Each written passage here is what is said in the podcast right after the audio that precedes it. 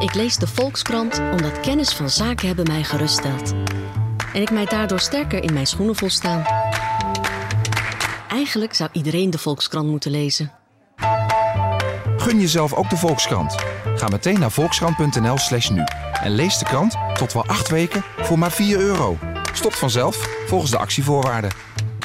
Farmaceut Pfizer, je hoorde het al, claimt op basis van eerste resultaten dat het vaccin dat de farmaceut ontwikkelt 90% effectief is in het voorkomen van de ziekte COVID. Pfizer and BioNTech reporting the first results from their phase 3 vaccine trial, saying that in this interim look, the vaccine showed to be more than 90% effective. Pfizer annonce un vaccin efficace à 90%. Great day for humanity, great day for science, great day for the market. We see the light at the end of the tunnel. Daar is hij dan, het vaccin. De Amerikaanse farmaceut Pfizer maakte deze week bekend dat hun vaccin 90% effectief is. Dat zou betekenen dat als je 10 mensen die prik geeft, dat er dan 9 beschermd zijn tegen het coronavirus. Een prestatie die alle verwachtingen overtreft voor zo'n totaal nieuw vaccin voor ook nog eens een helemaal nieuwe ziekte. Licht aan het einde van de tunnel, zei de Canadese premier Trudeau. Het begin van het einde van de coronacrisis, jubelde anderen. Zou het echt? Dit is Ondertussen in de Kosmos, de podcast van de wetenschapsredactie van de Volkskrant. Mijn naam is Tony Mudde, chef van die wetenschapsredactie. En ik zit hier met Maarten Keulemans, de wetenschapsredacteur die het virus en de ontwikkeling van vaccins al vanaf dag 1 voor ons volgt. Maarten, was dit nou het beste coronanieuws van het jaar? Nou, um, eigenlijk wel, denk ik. Ja, want het is toch wel uh, iets waar we heel erg naar hebben uitgekeken. Mm -hmm. En het grappige is dat niemand had verwacht, ik, ik zelf ook niet hoor, dat het zo goed zou werken. 90% effectief. Dat had niemand echt verwacht. Je moet denken, het mm -hmm. griepvaccin is zo, nou ja, uh, 50, 60 procent uh, van de keren effectief. En, en ja, heel veel mensen hebben er gewoon niks aan. Ja. Ook een luchtwegvirus, dus iedereen dacht van, nou, dit vaccin, dat, dat kan nooit zo fantastisch gaan. Dat, dat zal ook een beetje, als je 70% haalt, dan is dat geweldig. De Amerikaanse FDA had gezegd, van, nou, als we een vaccin vinden wat 50% effectief is, dan gaan we ervoor, dan zijn we heel blij. Ja, 90% effectief, belachelijk. Dat is natuurlijk heel, uh, het is goed nieuws. Uh, nou, Pfizer die maakte dat bekend. Die, ze, die zegt van ons product, ons vaccin is top. Uh, dat deden ze in een persbericht. Maar kunnen we dat wel vertrouwen? Ik bedoel, het is toch gewoon een bedrijf met een belang. Een... Ja, ja, nee, dat is een hele terechte, kanttekening die hij maakt. Uh, we weten de details nog niet. Uh, Pfizer heeft wel beloofd dat ze nog echt meer openheid van zaken gaan geven. Want je wil natuurlijk eigenlijk weten van, nou ja, oké, we weten nu heel grof van, oké, het werkt. Maar wat zijn hoe zit het nou met de bijwerkingen en, en wat, bij wie werkt het nou precies? Allemaal dat soort details, dat moeten we allemaal nog aan de weet komen. Dus dat wordt heel spannend. En die 9 op de 10, hoe, hoe, hoe hebben ze dat bepaald? Hebben ze daar mensen allemaal uh, het coronavirus zitten geven? En uh, hoe, hoe, hebben ze dat gedaan? nee, ze hebben het vaccin getest in, in landen waar het virus nog heel actief is. Amerika, Brazilië, Argentinië, dat soort landen. En wat, ze hebben, wat ze dan doen in zo'n test is dat ze, ze, hebben, ze nemen dan 40.000 mensen. de helft van die 40.000 mensen die krijgen het vaccin en de andere helft die krijgt een nepvaccin. En dan gaan ze achterover zitten en wachten tot er uh, mensen ziek worden. Mm -hmm. En dan ga je na een tijdje ga je eens kijken van, nou ja, oké, okay, er zijn nu zoveel mensen ziek geworden.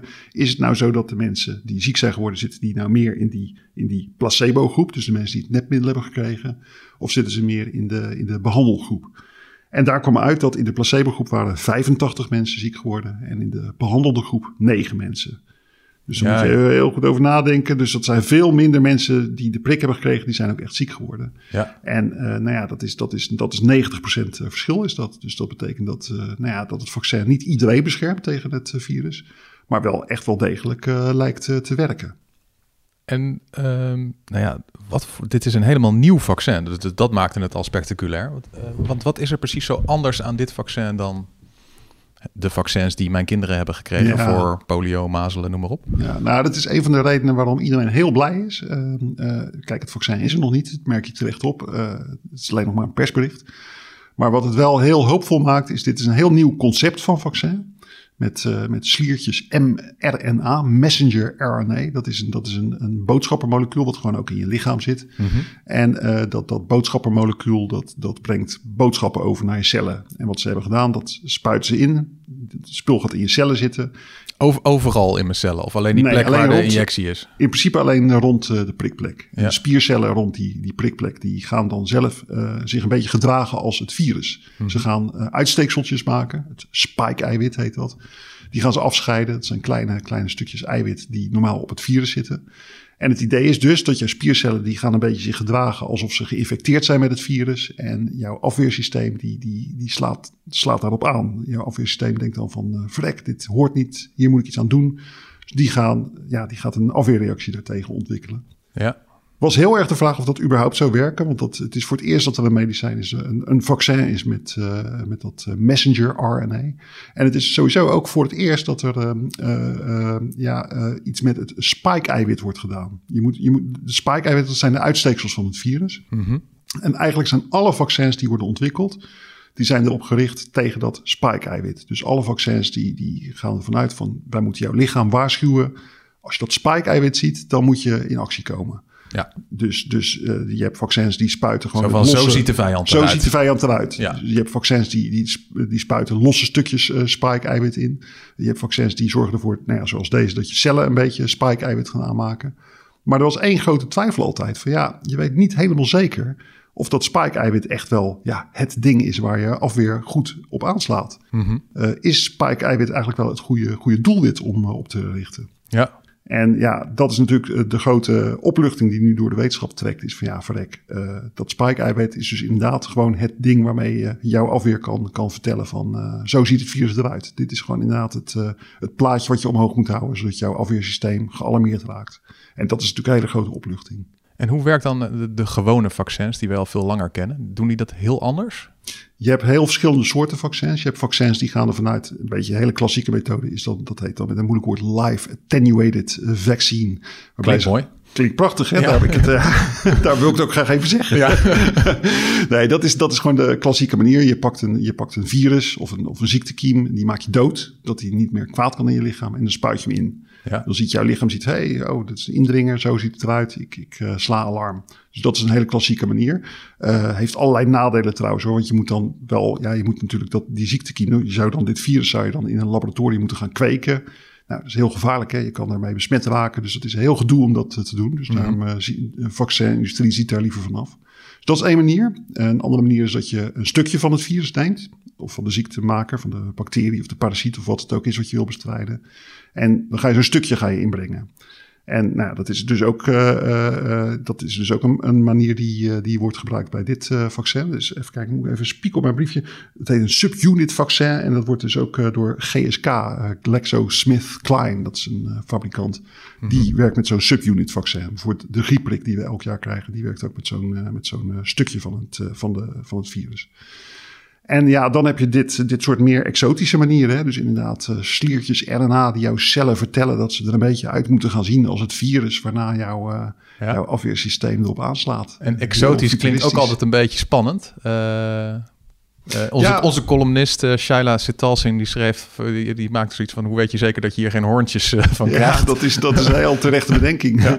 Kijk, weet je, dat is inderdaad ook wel... Nou als ik daar... Ik heb dat natuurlijk gewoon gevraagd aan de, de vaccinologen die er verstand van hebben. En die zeggen allemaal van ja, ja kijk, garantie tot de voordeur. Je weet het nooit helemaal zeker of dit op lange termijn niet een of andere gekke bijwerking geeft.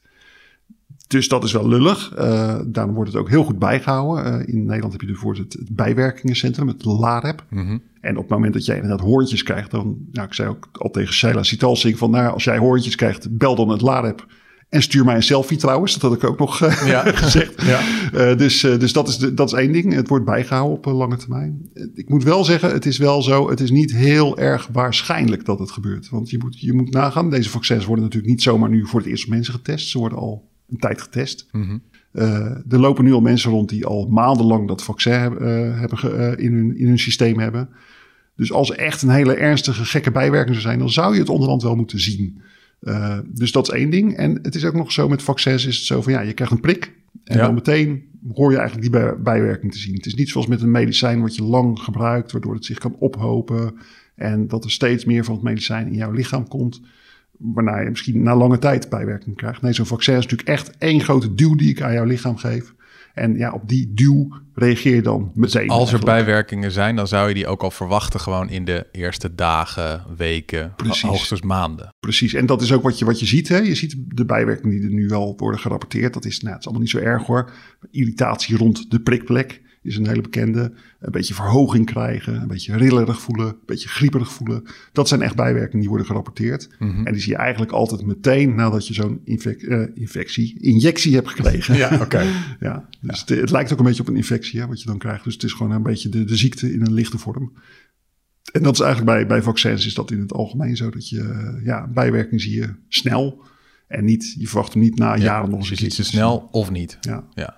Maar ja, weet je, ja, ik, ik heb altijd een neiging om dan toch maar weer telkens het maar erbij te noemen. Het komt wel eens voor dat er vaccins zijn waar je dan ineens iets heel onverwachts ziet. We hebben dat gezien bij Pandemrix. Dat is een eh, griepvaccin wat eh, tegen de Mexicaanse griep werd eh, ingezet. Ja. Ja, daarvan is de discussie nadat dat vaccin werd toegediend. Toen bleek ineens in Europa en in, in Amerika bleek het aantal gevallen van slaapziekte bleek, omhoog te gaan. En er was wel een gek verband van slaapziekte, dat is volgens mij dat als je dan eh, emotioneel wordt, je gaat lachen of je wordt boos, dat je dan gewoon Val in knock-out slaap. gaat, toch? Precies, Ja. precies. Eh, Mensen die spontaan in slaap vallen. Heel vreemde ziekte. En daarvan is het, het is nooit echt bewezen nog, maar er zijn wel vermoedens dat dat met het vaccin te maken kan hebben. Dat vaccin duwt misschien een van de moleculair knopje in, waardoor die slaapziekte wordt geactiveerd. En dat is dan bij hele zeldzame gevallen. Bij hele zeldzame gevallen gelukkig. Ja. Want dat is natuurlijk ook zo. Kijk, dit vaccin nu wordt op 40.000 mensen is het eh, getest. Sorry, 20.000, want 20.000 heeft de placebo gekregen. Mhm. Dus ja, weet je, 20.000 mensen, dan, dan heb je wel een hoop. Als iets 1 op de 100 keer voorkomt of 1 op de 1000 keer voorkomt, dan zie je het wel hoor. Ja, maar als Maar iets ja. één op de miljoen keer voorkomt, dan ga je dat pas later Dan ga je tegenkomen. het pas later tegenkomen. Klopt.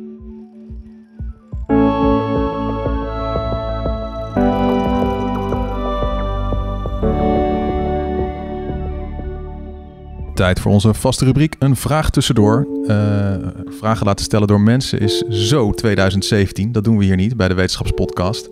Eh, dus daar hebben wij een algoritme voor. Die luistert mee met de uitzending en die bedenkt dan een toepasselijke vraag. Hier komt ie. Gaat iedereen dat vaccin eigenlijk wel nemen? Gaat iedereen dat vaccin eigenlijk wel nemen? Eh, laten we hiervoor bellen met Hessel von Picard. Die heeft samen met collega Hassan Bahara, ook van de Volkskrant, hij het hele land doorgekrost om mensen te spreken die bij vaccinaties in het algemeen en misschien wel bij het coronavaccin in het bijzonder denken van nou, ik weet het zo net nog niet.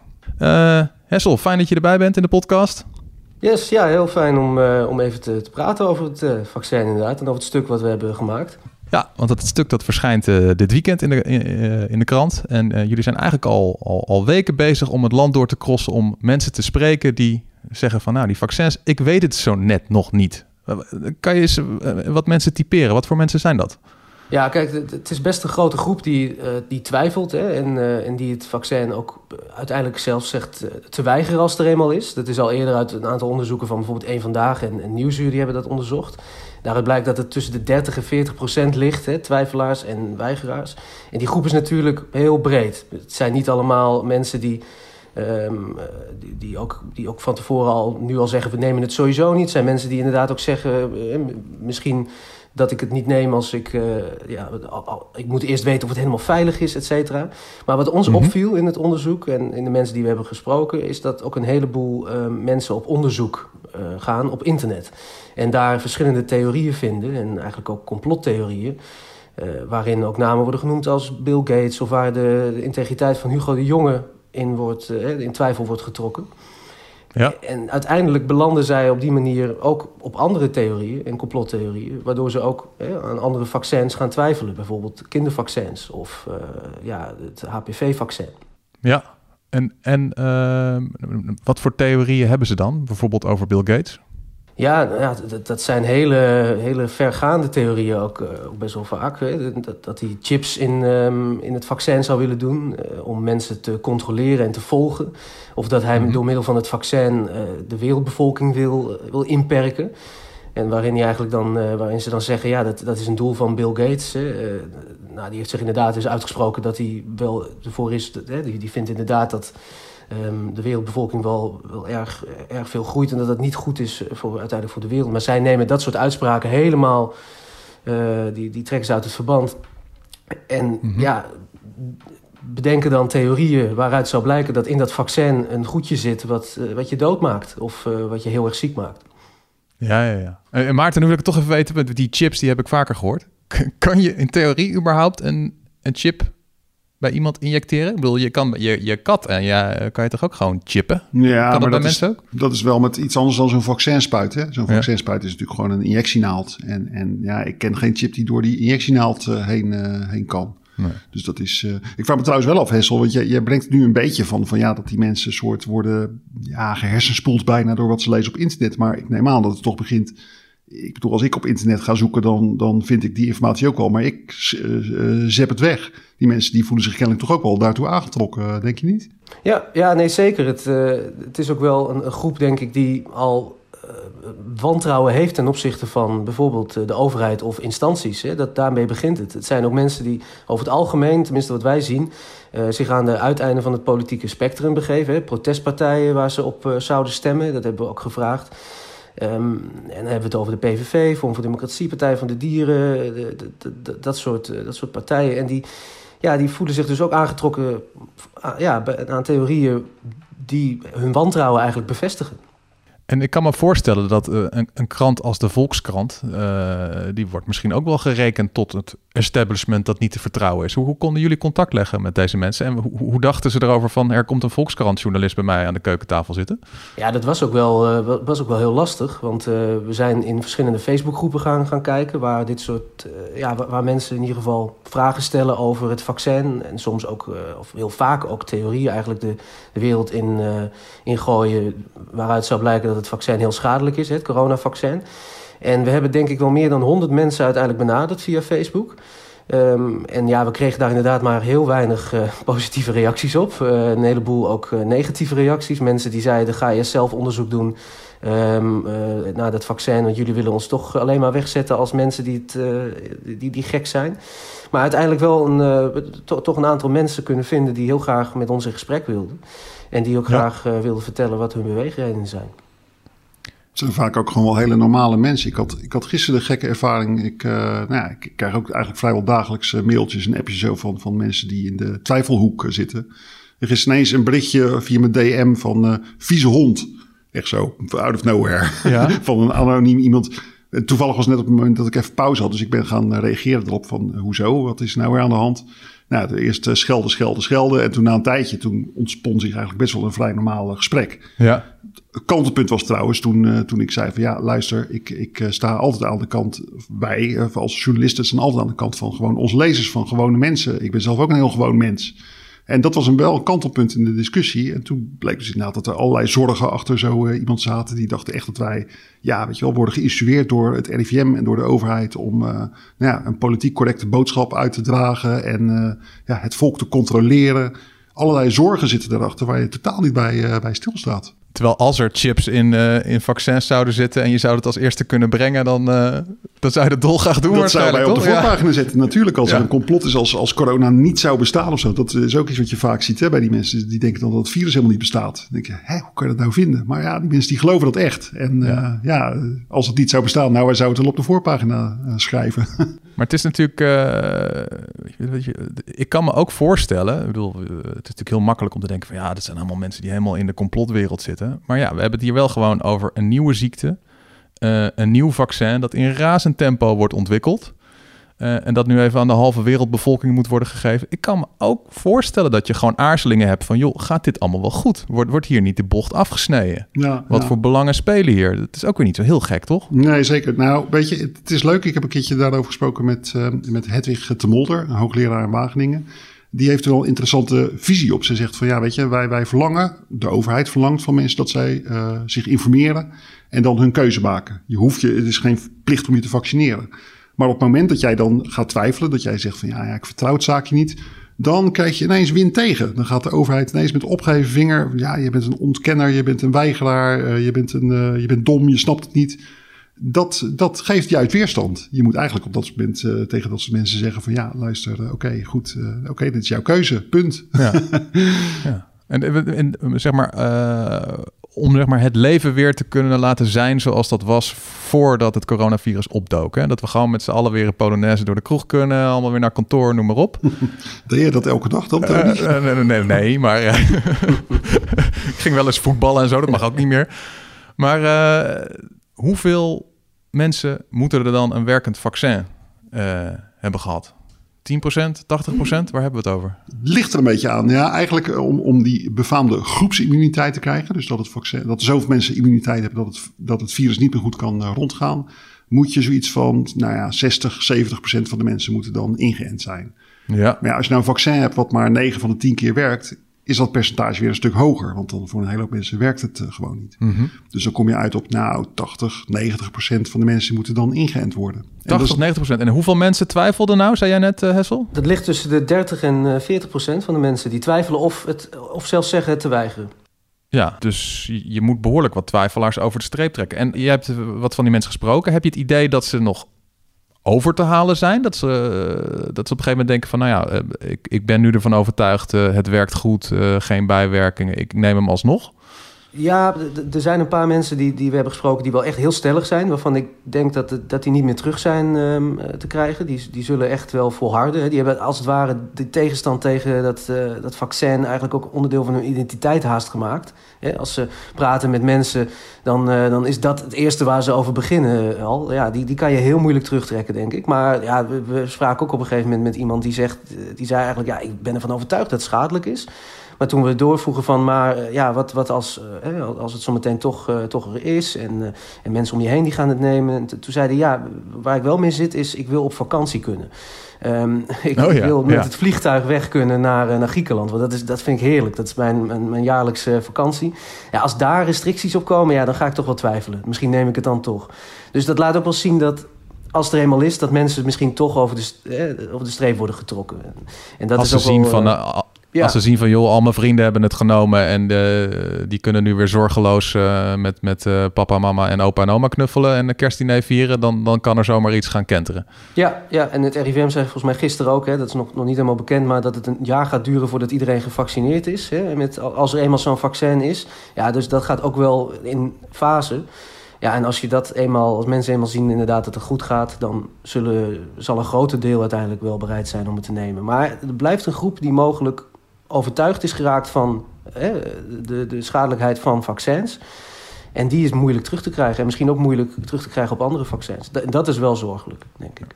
Ja. En dan toch ook maar de vraag, uh, Hessel. Zou jij het, uh, sta jij gewoon vooraan in de rij als die uh, prik er is? Ja, nee, ik, ik ben wel bereid om, uh, om de prik te nemen. Ja, ja, ja. Ik, als, als eenmaal alle veiligheidschecks eroverheen zijn gegaan die ervoor gelden, hè, die, die gewoon standaard zijn, dan, dan vertrouw ik erop dat het veilig is. En jij, Maarten?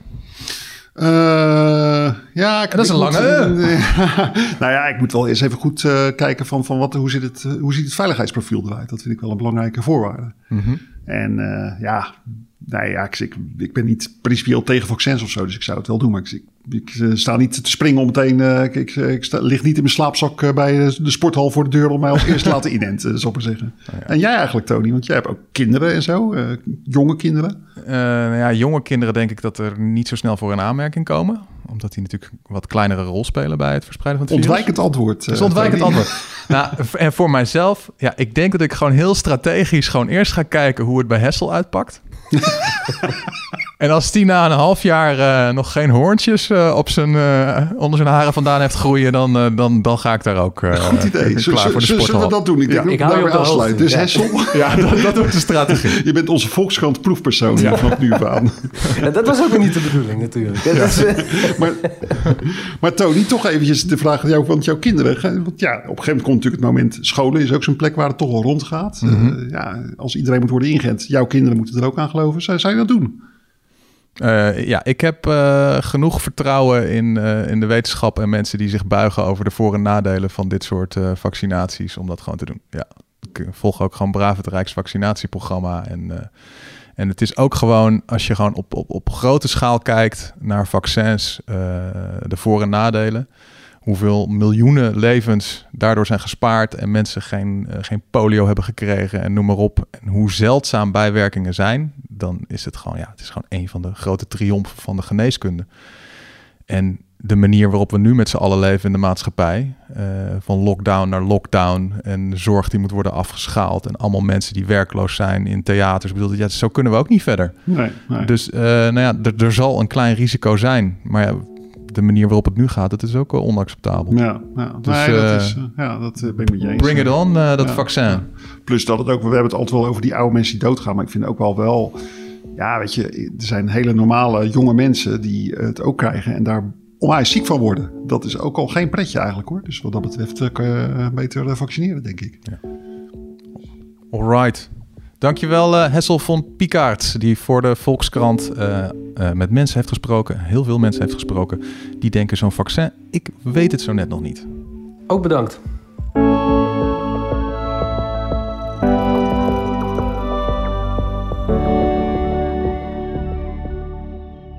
Maarten Hessel zei het net al even. Uh, het kan wel eens een jaar gaan duren voordat iedereen gevaccineerd kan worden. En nou hoorde ik ook van dat het, uh, dat het vaccin, het Pfizer-vaccin, bij min 70 graden moet worden bewaard.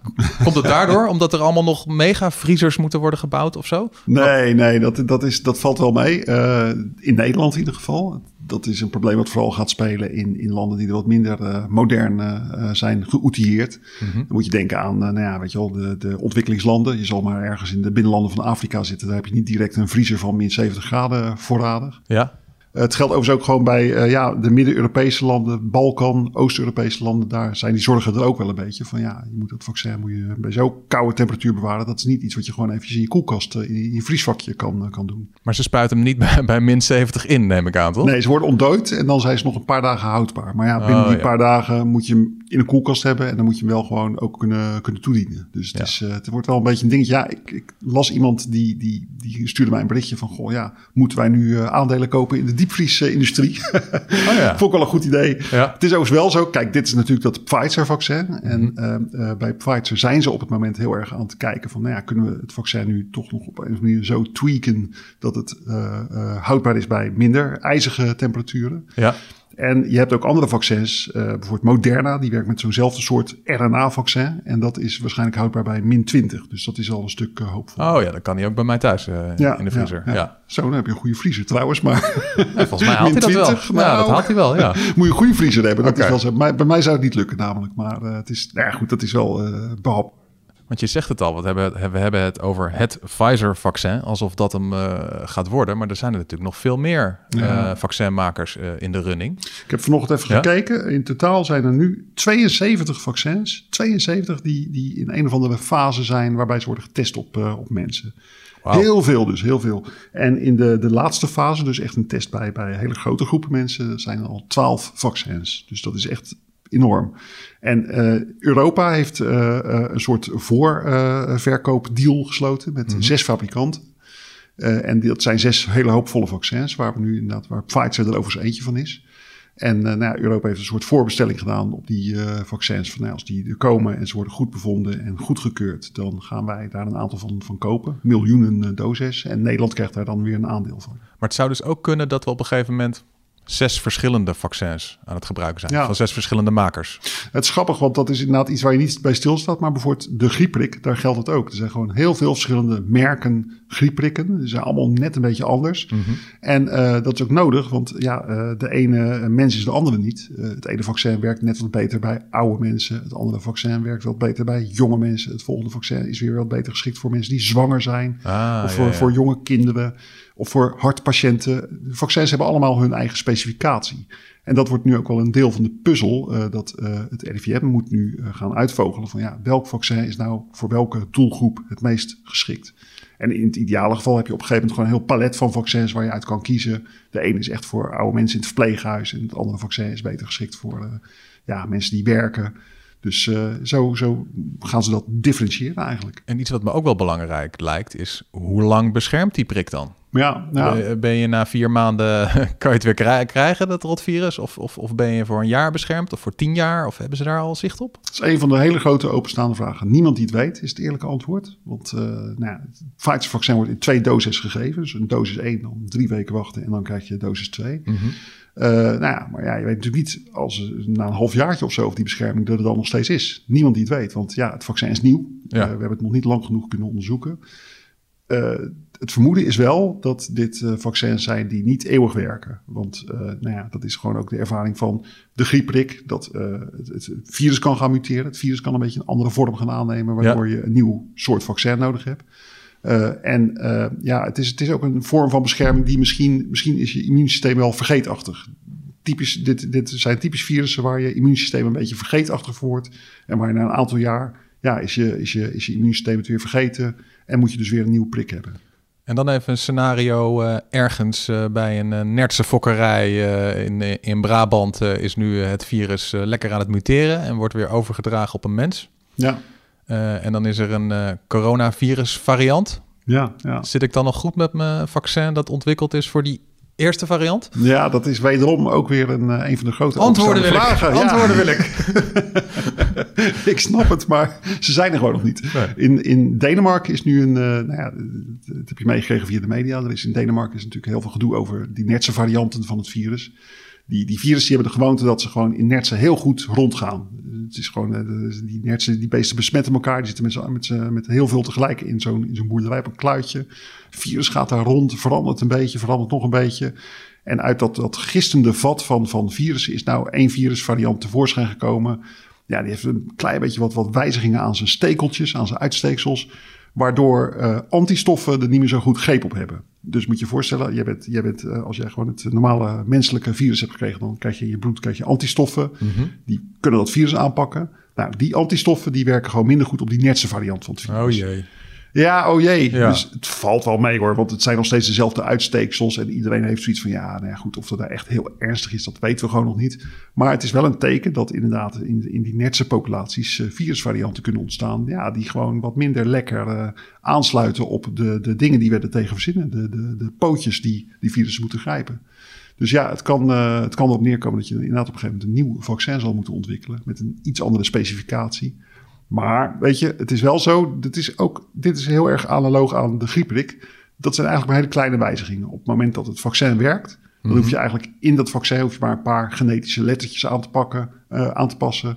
En dan kan het eigenlijk alweer goed zijn om, het, eh, om het, eh, ja, de nieuwe virusvariant aan te, passen, te pakken. Ja, oké. Dus het is, het is, het is flex, een beetje Het flexibel. is flexibel. zo. Het is, een, het is een soort modulair systeem. Je moet gewoon wat knopjes indrukken. En dan heb je gewoon een vaccin wat ja, volgend seizoen misschien weer het virus wie dan, dat dan rondgaat wel kan pakken. Ja. En eh, jij stuurde op Twitter een, een, berichtje rond met eh, wie heeft er nog een vraag over het eh, coronavaccin. Heb, heb je er nog eentje op je lijstje staan dat je denkt van die, die is wel grappig om nog even te behandelen?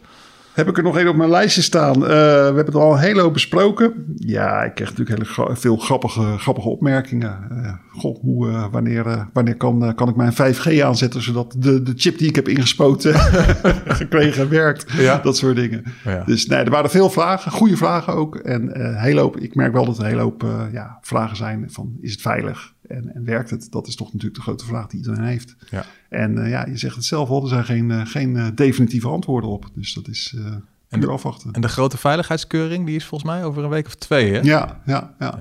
ja, en dat is ook wel zo. Die is eigenlijk al gaande. Want Mhm. ze, ze doen wat, wat dan heet een rolling review. Normaal is het zo van je maakt, de fabrikant maakt een middel, gaat het testen bij mensen. Ja. En dan hebben ze een dossier. En dat dossier dat overhandigen ze aan, de, aan de, de keuringsautoriteiten.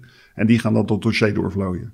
Maar in dit geval, omdat iedereen grote haast heeft, hebben ze gewoon delen van het dossier die al af zijn. Dus de dierproeven en de eerste mensproeven. Die dossiers die zijn al eh, eh, overhandigd aan de, de Europese eh, gezondheidsautoriteiten, EMA in Europa en de FDA in Amerika. En die zijn daar nu al naar aan het kijken. Dus het kan waarschijnlijk vrij snel gaan. Maar ja, ook, dit is ook iets wat je niet helemaal kan onderschatten. Want je krijgt straks het, eh, ja, duurt toch wel snel een week of vier of zo voordat ze eh, zover zijn dat ze het kunnen goedkeuren. Of Ja. afkeuren natuurlijk. En dat is, nou ja, dat is al snel weer een maandje wat je dan eh, erbij op moet tellen. Dus de verwachting is februari ongeveer dat je dan pas echt kunt gaan vaccineren.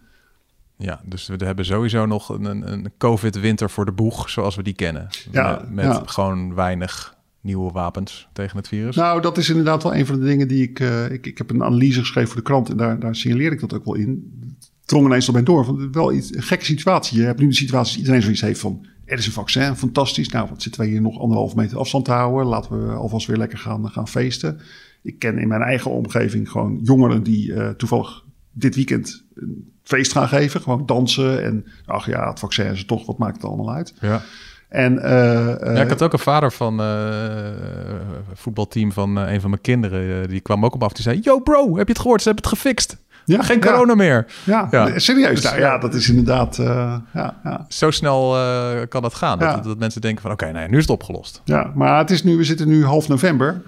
November, december, januari en dan februari kunnen de eerste prik worden gegeven aan ja, de meest kwetsbare mensen naar, naar verwachting, dus oudjes.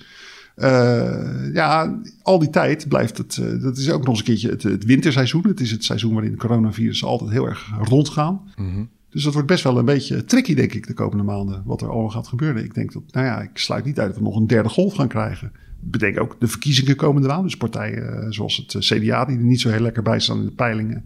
Hugo de Jonge, die zal echt de neiging hebben om ja, cadeautjes aan het volk te willen geven.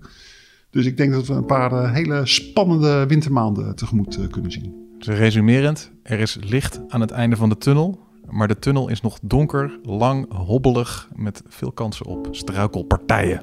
Je zegt het prachtig, maar het is wel heel mooi licht hoor, wat daar schijnt. Dus, Oké. Okay. Dit was Ondertussen in de Kosmos, de podcast van de wetenschapsredactie van de Volkskrant. Grote dank aan mijn gasten Maarten Keulemans, de corona-expert van de Volkskrant. En ik denk inmiddels de journalist in Nederland die het meest over het virus heeft geschreven. En misschien zelfs wel de journalist die in het hele noordelijke halfrond het meest heeft geschreven over het virus. Ook dank aan Hessel von Pikaert, Volkskrant-collega, die de gedachtenwereld in kaart bracht van mensen die twijfelen of ze zo'n vaccin eigenlijk wel willen. Ook dank aan ons podcastteam achter de schermen: Corinne van Duin, Daan Hofstee, David Slinks. Wilt u onze journalistiek steunen? Altijd welkom natuurlijk. Ga naar volkskrant.nl/slash lees en daar zie je al onze abonnementsvormen. En daar staat er eentje tussen. Voor 50 cent per week kan je al alles lezen wat wij brengen. Wil je de volgende aflevering van deze podcast niet missen? Abonneer je dan op Ondertussen in de Kosmos in je favoriete podcast-app. Mijn naam is Tony Mudde. Graag tot de volgende keer.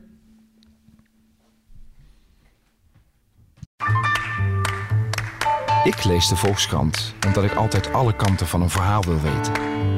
En ik nieuwsgierig ben naar de mening van anderen. Eigenlijk zou iedereen de Volkskrant moeten lezen. Gun jezelf ook de Volkskrant. Ga meteen naar volkskrant.nl slash nu. En lees de krant tot wel acht weken voor maar 4 euro. Stopt vanzelf, volgens de actievoorwaarden.